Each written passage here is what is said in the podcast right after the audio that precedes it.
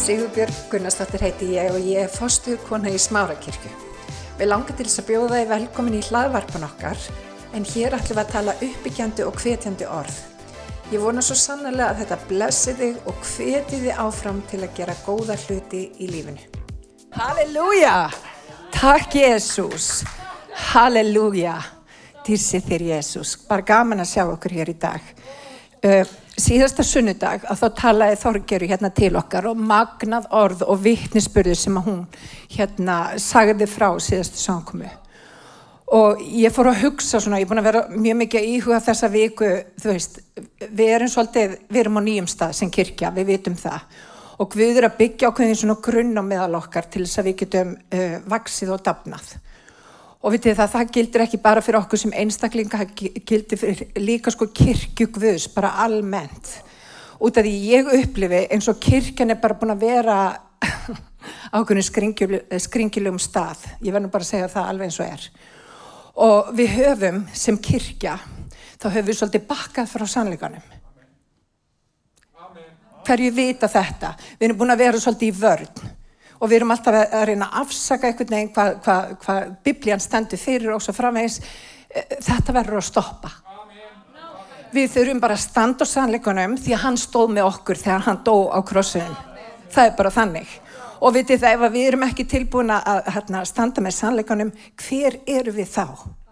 Og vitið það ef að, ef að, ef að kristi fólk þarf að eiga eitthvað þá þarf það að eiga hugur ekki hugur ekki að standa á móti ímsum ströymum sem að bara vaða yfir mann og annan hér í dag. Vitið það, heimurinn segir okkur að það sem er sannleikur er bara hvað, hverjum finnst hverju sinni. Það er ránt. Sannleikurinn er eilifur. Sannleikurinn er sannleikur. Já, viltu að það, þú upplifar hann ekki sem sannleika, það breytir ekki því sannleikur er sannleikur. Og við þurfum að passa okkur á því að við segjum við endalust í okkur mála miðlum með það sem að drottin segir má ég heyra með. Þannig í dag að þá vil ég að við bara gerðum okkur í hugrekki og bara förum að taka á því að því litunni til að við förum að elska alla. Umverfi alla, ekki minnskila mig. Við erum ekki að fara að taka á neinum. En við erum að fara að standa með sannleikonum. Amen. Þannig að þarna, já, spurning hvort að mamma vilja tala hérna í dag. En ég vil tala um fyrirgefningu. Eitt af þessum klassísku atröðum sem að óvinnun er svo duglegur að hanga okkur á, það er mógun. Það er særindi. Hlutir sem eru sagt, hlutir sem við göngum í gegnum, sem að gera það verkum að við stoppum á göngunum með guði. Og vinnir, óvinnurinn notar alltaf sömu taktik. Hann kemur alltaf með, með sama hætti í líf okkar og hann segir, býtu, hefur Guð sagt alveg eins og gerði við Efi í aldigarðinum, hefur Guð virkilega satt? Er þetta alveg svona? Virkar hann alveg svona? Eru þessa reglur? Máttu örglega ekki borða þessu tri? Og vinir, þegar óvinnur kemur, og hann kemur oft í ljós engilsmynd, það er það sem að biblían kennir, þá þurfum við að svara með orði Guðs. Við megum ekki bara standa þarna og bara, þú veist, í ykkur, klassu, við þurfum að svara með orði Guðs. Og til þess að svara með orðið Guðs að þá þarf það að þekkja orð Guðs. Úps, er þetta óþægilegt? það á að vera óþægilegt. Orð Guðs krefst svars. Amen. Við eigum að þekkja orð Guðs. Þannig að þegar óvinnur kemur, ofta okkur en svona vulnerable stað í okkar lífi, þá svöru vonum, rétt eins og þegar Jésu fór inn í eðimörkina, hann svaraði með orðið Guðs. Hann sagði, rita þér og vinni, þegar óvinnur kemur og hann reynir að koma inn svona læfislega þá þurfum við að kunna það að, að svara honum. Og við þurfum að vera að vita það hver við erum í honum. Því að lofur þann standa. Má ég heyra með henn Halleluja. Í faðivorinu eins og Þorgjur kom inn á síðustu helgi að þá byggjum við í rauninu dróttunum að fyrirgefa okkar syndir eins og við fyrirgefum öðrum. Og vitið það, er alvarleg bæn ef við hugsaum um hana Og þetta er ekki á eina stanum þar sem þetta kemur fyrir. Biblian er alveg skýr með það. Við eigum að fyrirgefa, við eigum að elska og við eigum að fyrirgefa. Og það er stundum erfitt að fyrirgefa.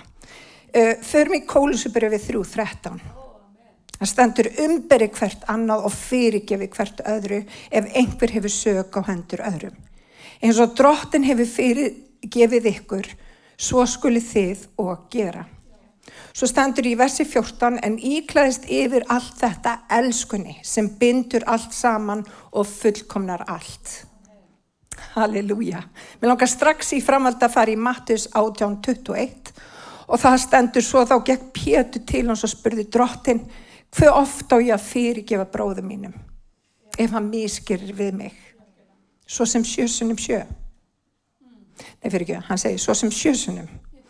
Og Jésús svaraði ekki segja þér sjösunum heldur sjötjusunum sjö. Það þýðir 490 skipt á dag sem við um að vera tilbúin að fyrirgefa. Auðvitað er Jésu ekki að meina að við þurfum að tellja upp á 490 sinnum á hverjum einsta degi og fyrirgefa þannig. Það sem hann er að segja, það er að við þurfum að hafa þetta hugarfar. Að vera alltaf tilbúin að fyrirgefa fólki. Ef að þú gerir það ekki, þá festustu á stað þar sem þú átt ekki að festast. Biblian kennir að við hérna, getum stundum farið rataði í dimmadali. Við getum stundum farið á erfiða staði. En okkar köllun er ekki að búa í dimmundal. Okkar köllun er að fara í gegnum dimmandal og síðan að vera á grænum grundu með drottni.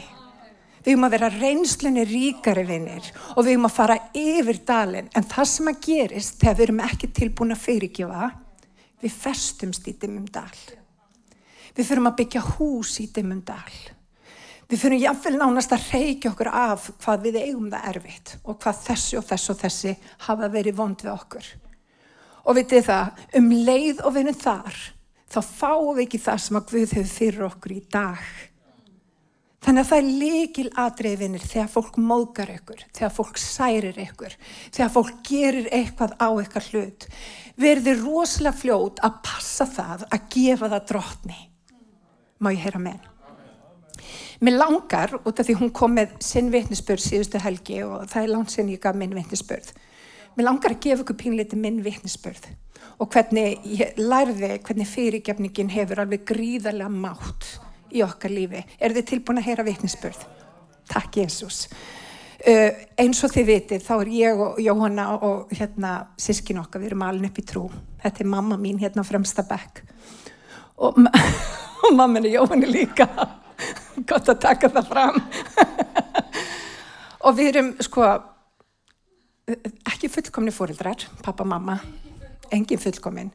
En mikið er ég þakklátt hafa fengið alast upp í trú. Ég bara get ekki, ég get ekki útskýrta hvað er mikið. Hvað er mikill klettur í ólkusjó lífsins að eiga Jésu. Og veitir það, ef þú átt ekki Jésu hér í dag eða ef þú ert að horfa yfir neti þá bara hveti þig, hann er bara einni bæn í burtu. Hann er svo innan seilingar, gefðu hann bara færi, opnaði hjartaðið. En ég er alveg upp í trú og hérna og þvílikt blessun sem að það var. Við erum alveg nefnir það að heyra orgvus, djúft orgvus, orð sem að breyti líf okkar. En vinir, eins og þið viti, þá er eitt að heyra og það er annað að framkoma. Og biblían talar um að trúin er dauð án verka. Og það sem er stundum vandamáli við hérna hinn kristna heima, við eigum svolítið erfitt með að taka þessa þekkingu sem við höfum í kollinum og tilengur hana út í lífið. Þannig að það sem við þurfum að gera þegar við heyrum orgvus, við þurfum að byggja drottin hvernig á þetta við mitt líf í dag. Hvernig get ég nota þetta í mínu líf í dag? Og viti menn, Guðga með sannarlega tækifæri. Þegar við ólumst upp að þá þóttum við mjög skrítnar, sem er mjög enginlegt, já, hún er um fullkomlega eðlilegar. Viljum við meina. Uh, það var erfitt að alast upp sem dóttir Gunnars í krossunum, Jóhanna getur staðfist það. Var, það, það var snúið. Uh, síðan hérna árið 1999, bara til þess að þú veist, þegar maður loksins búin að slíta baskonum maður var svona að verða fullorinn, þá gerist hræðilegur atbyrður í okkar lífi. Uh, amma mín, þess að sippamma mín, var myrt. Og þessi atbyrður gerði bara, sneru öll á kvolf í, í lif okkar. Indisli konu hún sé Bama og átti svo innilega ekki skilið þessi örlög sem hún fekk. Uh, strax í kjölfarði eins og þetta væri ekki nóg þá fór kirkjan í gegnum alveg gríðarlega erfiða tíma það var klopningur í kirkjunni miklir erfileikar og ég sem er alveg upp í trú og við, ég var alveg ofbóðslega neikvæð ég var reið, ég var sár ég var reið út í fólk ég var reið út í þennan einstakling sem að, sem að tók líf ömmu minnar þú veist, algjörlega henni fór spurri þú veist, bara óði yfir allt og eitthvað neginn og og svo gerist þessi atbyrður í kirkjun okkar og, og ég var reið út í fólk. Fólk hafði brugðist mér og veitir það, ég hafði, ég hafði rétt á því að vera reið.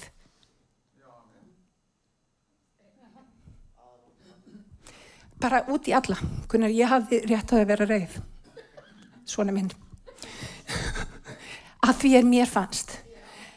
En það sem að gerist er það að ég í rauninni festist í ákveðin biturleika, reyði og bara gremju og það er það sem að vil eiga sér stað þegar við verðum reyð, þegar við hleypum þessari óuppgerðu tilfinningu inn í hjart okkar og við leifum ekki Guði að græða sárin og þá verður þessi tilfinning svo megni í líf okkar, hún fyrir að hafa áhrif á allar okkar gerðir, allt henni fyrir ég sem er venjulega svona upplýfgandi og, og hvetjandi, ég fyrir að vera depressed. Og meirins að bara þannig að þegar ég ringdi í óhunu þá fekk hún kvíðan út í magan veist út af því ég var bara neikvæð.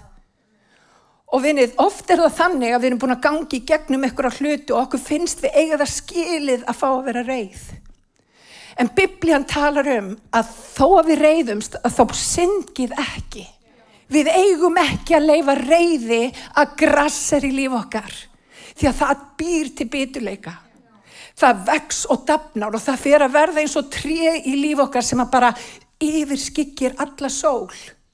Og allt í hennu fara hlutir sem við höfum eiginlega ekki trú að það gætu gæst, það fyrir að raungerast í okkar lífi. Því að ávöxtur dauða, ávöxtur reyði er bara dauði. Og vinir, á, tímapunkt, á þessum tímapunkti þá þurfti ég að taka ákverðun og vinni það er fólk hér inni sem að þarf að fara að taka ákverðun ætlar að leifa reyði eða byturleika að stjórna lífið þínu? Eða ætlar að stíga fram og leifa Guði að sjá um hendina leifa Guði að sjá um það sem að þarf að sjá um í lífið viðkomandi og mér langar til þess að hvet ykkur í dag ekki festast á þessum stað hristi það af ykkur og leifi Guð að koma stað Af hverju? Út af því að Guð hefur verkefni fyrir þig. Allir hér inni eru kallaðir að Guði. Og óvinnur nota særindi til þess að halda því burtu frá þeirri köllun sem að Guð hefur á lífið þínu. Þannig í staðin fyrir að liggja í ykkur volaði, stöndum upp, hristum það af okkur og höldum áfram í Jésu nafni. Halleluja. Og vinni það byrjar ekki tannig með ykkur í gæs og allt í hennu bara, þetta er komið. Ég er búin að fyrirgefa. Þetta byrja með ákverðun og vinni það er fólk sem að þarf að taka ákverðun og ef að, ef að gremjan kemur upp aftur, taktu aftur ákverðun taktu ákverðun um að fylgja Jésu hvert sem að hann fer ekki láta óvinnin eigðalegja líf þitt og veitir, ég hef talað við fólk sem að skildi fyrir 20 árum síðan og það er ennþá reitt og byturt Það er ekki vilji Guðs fyrir okkar líf. Má ég heyra með henn? Það sem við gerum er að við lærum að kringum staðanum. Við lærum af þeim. Og við pössum okkur eins og allir sagði að herða ekki hjart okkar. Því að Guð er að leita mjúku hjarta sem hann getur átt við til þess að vilja hans fyrir þetta, fyrir söpniðin okkar, fyrir landið okkar verða veruleika. Má ég heyra með henn?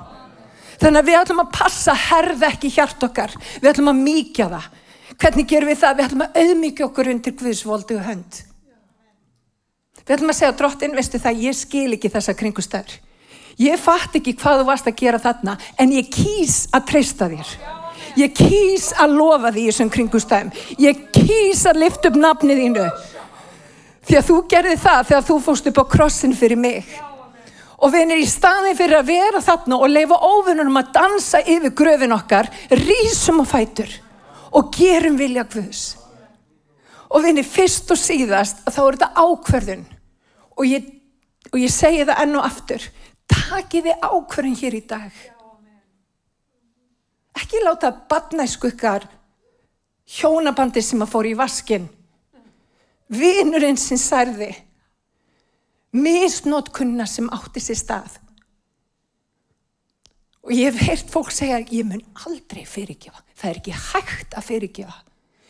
Vinnir, það er víst hægt að fyrirgefa. Ef að Jésu gætt fyrirgefið þeim sem að var að drepa sig á krossinum, þegar þau voru að drepa hann, hann sagði faði fyrirgefið þeim því að þeir veit ekki hvað þeir gjöra. Ef að hann gata, þá getur þú það. Í Jésu nafni. Halleluja. En bara til þess að fara yfir það hvað fyrirgefning er ekki. Hlustið vel. Það eru svo marga ránkugmyndir um fyrirgefninguna. Og þess vegna ber að hafa þetta í huga. Fyrirgefning er engin réttlæting á brotum gegn þér. Hefur ekkert með það að gera. Hefur ekkert með það að gera að það sé allt í lægi að þú hafi farið í gegnum þessa reynslu. Alls ekki. Fyrirgefning er ekki réttlæting á brotum. Fyrirgefning hefur allt með þig að gera og lítið með þann sem að braut á þér. Það sem það þó hefur með að gera er að þú segir drottin, ég ætla að gefa þér þennan aðila, ég ætla að gefa þér valdi fyrir þessum kringustæðum. Ég veit að þú ert réttláttu Guð. Ég veit að þú getur komið til leiðar að manneskjan átti sig og læri af sínum kringustæðum. Það er það sem þú ert að gera með því að með því að treysta Guði. Og veitir það, ég veit bara ekki um neitt sem að fer í gegnum lífið án þess að fá eitthvað leksju frá Guði.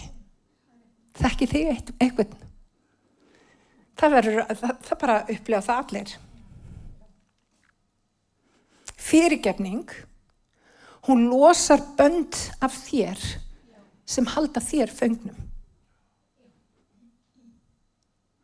Hún losar bönd niðurbröðs og slemra hugsana. Það má eiginlega líka þessu við að einhver setur líkilinn í skrána að fangilsi og opnar hörðina og þú getur frjáls gengið út. Það er fyrirgefning. Fyrirgefning er ákverðun. Fyrirgefning er ákverðun um að eigða ekki frekar í tíma í upplifun á niðurbroti, vondum hugsunum og, og því sem að fylgir ófyrirgefningu. Og vinnir í dag, það er nefnilega óvinnur sem gengur um eins og öskrandi ljón í kirkjunni að búa til særun, særendi og mógun alveg hægri venstri. Og við þurfum að hætta að gefa honum færi. Þess vegna segi Jésu 70.7. Við eigum bara að vera með hjartalag sem er tilbúið að fyrirkja bara, herðu, ég ætla ekki að taka þetta til mín. Ég ætla ekki að móðgast yfir þessu. Ég ætla að hrista þetta af mér. Og það sem við erum í raun að gera er að segja, drottin, ég ætla ekki að horfa á kringustöðna mínar, ég ætla að horfa á þig. Ég ætla að lofa þig, ég ætla að horfa á þig. Og um leið og við gerum það, þá erum við að gera nákvæmlega það sem að átni tala um áðan. Við erum sem, við erum sem, hvað erum við? Við erum eins og lömp sem að erum að leifa Guði að brenna það burt. Við erum eins og fórn á aldari. Við leifum Guði að brenna burt það sem ekki á heima. Og mér langar líka að segja, það er svo margi sem hugsa að krossvesta, að taka upp krossin og fylgja drotni, að krossvesta holdið. Það er ekkert betra heldur en að krossvesta egoið okkar. Ég um mig frá mér til mín þarf að deyja. Og um leið og það deyr, þá þurfum við raunverulega að lifa. Þannig að ekki hafa, þú veist, ekki hugsa en ég hef rétt á. Ég vil réttlæti. Guð er réttlæti. Hann kemur öllum hlutum til leiðar. Má ég heyra með. Förum aðeins hérna í Rómörubröði 12. kabla. Því bríni ég yfir sískin að þið vegna miskuna Guðs bjóði fram sjálfæður að lifandi heilari Guði þóknarleiri fórn. Það er sönn og rétt Guðstyrkun af yðar hendi. Svo segir hægðið yður eigi eftir öll þessari heldur takið háttaskiptum með endur nýjum hugafarsins.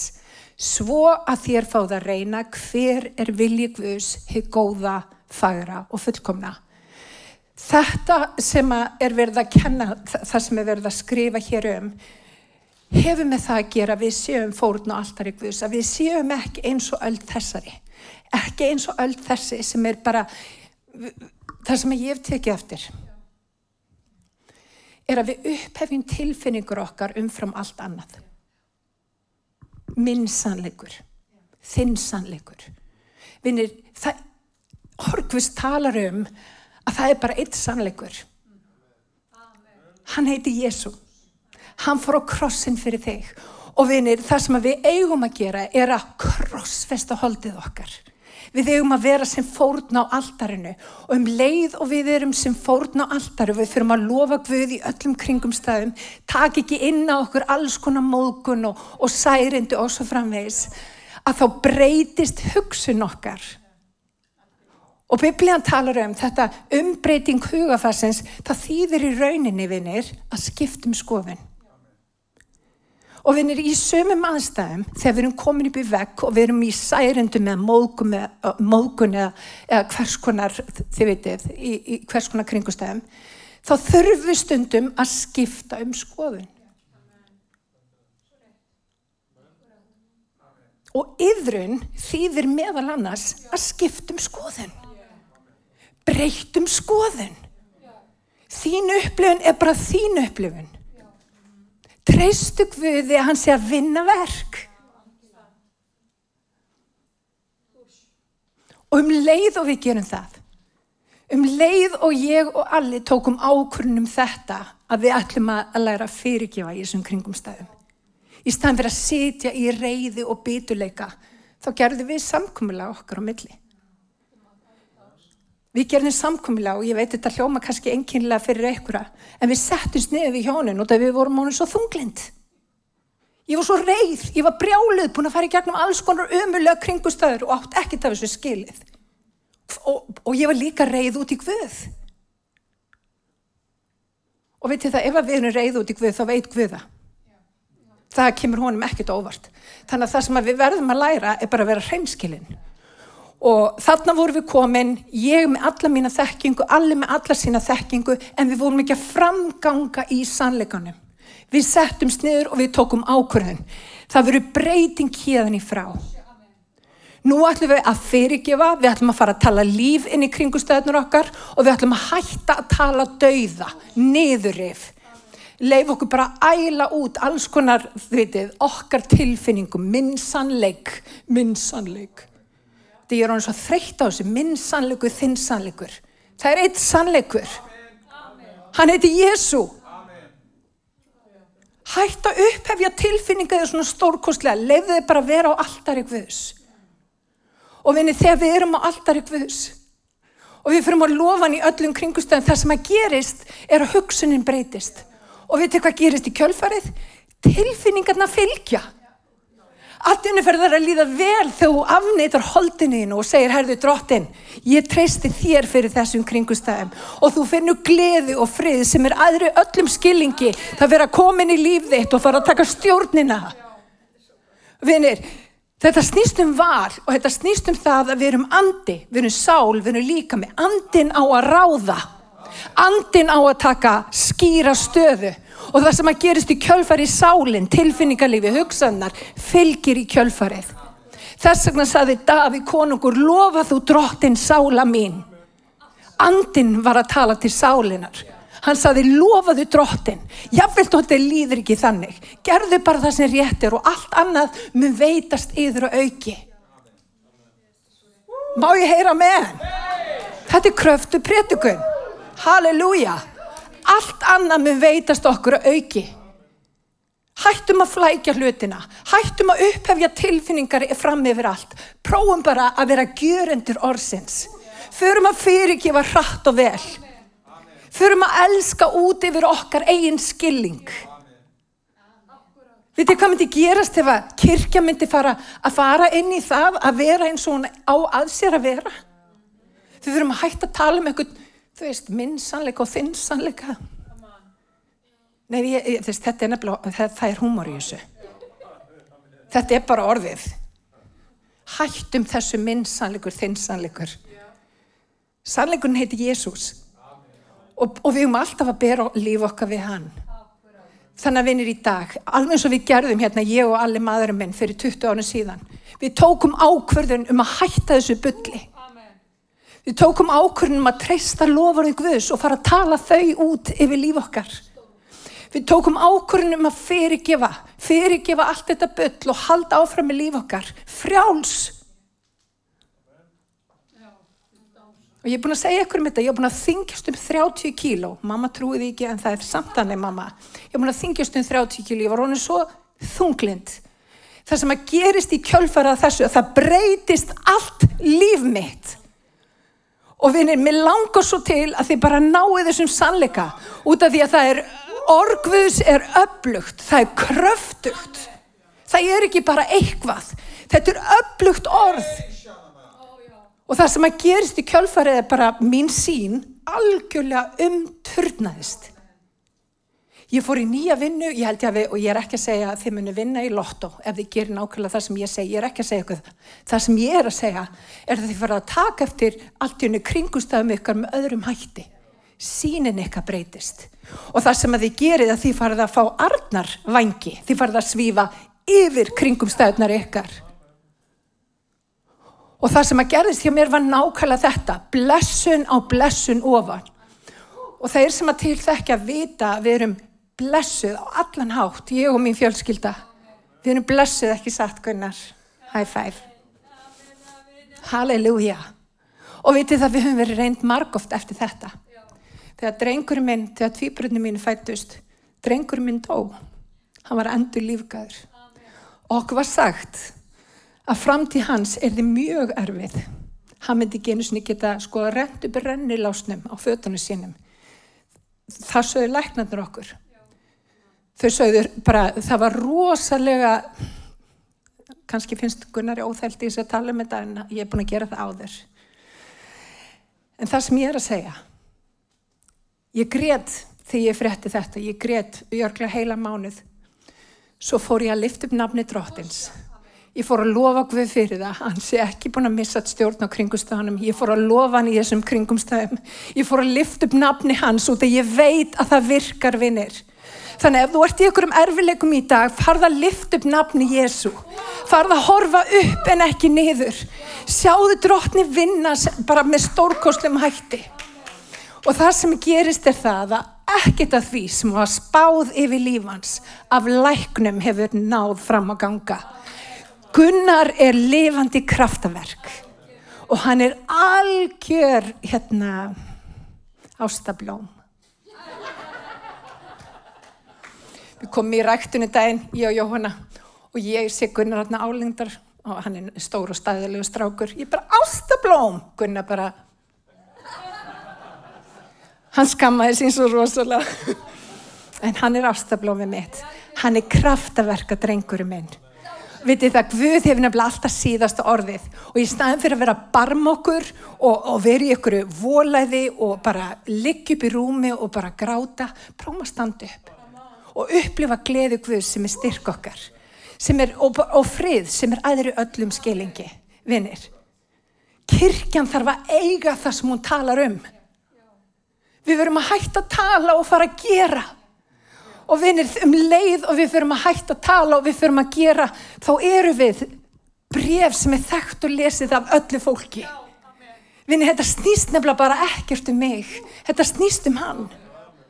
Og um leið og við föttum það og líf okkar fyrir að vera lofgjört í drottins, þá skiljum við hvernig allir hlutir einhvern veginn samverkað í góðs.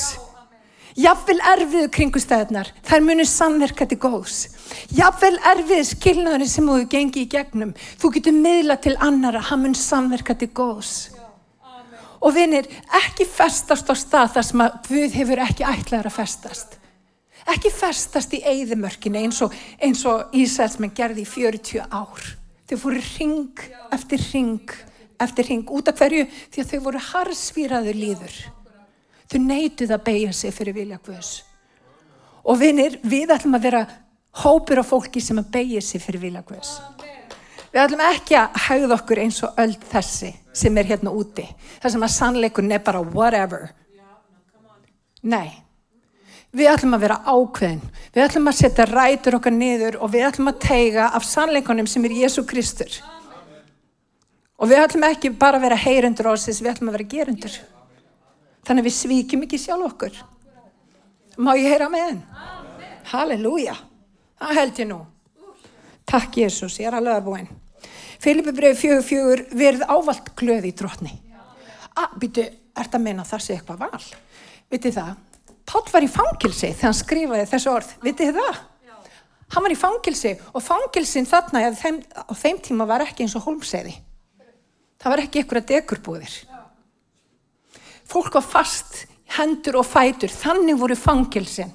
Þú þurfti bara í raunin að gera þarfiðina bara gólfinu og svo frammeðs og svo frammeðs. Hann sagði verið glöð, verið ávalt glöð.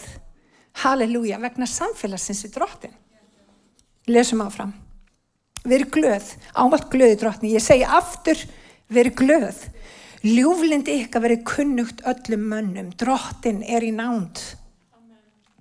Verið ekki hugssjökum neitt. Þannig erum við svolítið. Þegar við lendum í einhvern kringustæm og eitthvað gerir eitthvað á eitthvað hlut, við hugssum um allar um neitt annað en þann aðila. Hann hefur valdið verið okkur og við viljum slíta þessi tengsl hann vil bara ljúflindu okkar sem kunnugt öllum mönnum alltaf. Að við sem alltaf glöð. Halleluja. Heldur gerur því öllum hlutum óskriða kunnar guði, guði með bæn, beðni og þakkargjörð. Og hvað gerist þá? Og fríðu guðs sem er aðri öllum skilningi mun varvita hjört ykkar og hugsanir í Kristi Jésu vinnir, þegar við gerum þessa hluti ekki bara lesa þessa hluti gera þessa hluti þá verði þetta raunveruleikin okkar.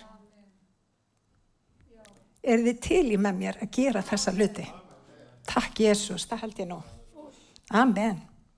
Að endingu sískin, og þetta segir mér framvalda þessu, að endingu sískin, allt sem er satt, allt sem er göfugt, rétt reynd, allt sem er elskuvert og gott afspurnar, hvað sem er digð og hvað sem er lofsvert, hugfesti það. Þannig að það skiptir máli hvernig við hugsun vinnir. Ekki leifa óvinnunum að draga alltaf hugsunum okkar niður í eitthvað poll. Við eigum að hugsa um það sem er hitt efra. Svo stendur, þið skuli gera þetta sem þið hafi bæði lært og nömið, heyrt og seti mín og Guð fríðareins mun vera með ykkur. I love it að lokum hérna, Filipi brefið 3.14 það stendur sískin ekki til ég sjálf að mig enn hafa höndlað það. En eitt ger ég. Ég gleymi því sem að bakjar og ég seglist eftir því sem framöndan er. Og keppi þannig að markinu til verðlunum á heimnum sem Guði í Kristi hefur kallað okkur til hérna skrifa Pál mestan svo frábær. Þetta hugafar skulum við því öll hafa sem fullkomin eru. Hann með ágætti sjálfströstan Pál við sem erum fullkomin við höfum þetta hugafar. En það sem þetta þýðir auðvitað getum við ekki glemt öllu því sem að, bakjar það er erfitt. Það sem þetta þýðir er að þetta er reynsla í okkar lífi. Þetta er ekki óþægindi Þetta er ekki eitthvað sem við veljum við öllum stundum. Við gleymum því sem að baki er og við horfum, við seilumst eftir því sem framöndin er. Til verðlunum á heimnum. Amen. Halleluja. Er þetta ekki bara ágætt? Amen. Vitið það, sko, það sem að mér finnst mikilvægt akkurat núna, út af því að við erum, við erum komin á nýjan stað sem kirkja. Pössum að láta ekki óvinnin napp okkur. Þetta myndi maður nappi, ekki nappa. Allavega. Pössum að láta ekki óvinnunum sko, ná okkur þannig í bólinu. Og ef að þú lendur í þannig kringustöð með eitthvað særi þig, gefðu trótniða. Alveg jafnharðan. Passað að vera með þetta hjartalag og treysta Guði til þess að láta allt samverkandi góðs. Gefðu Guði það and move on. Í Jésu nafni rísum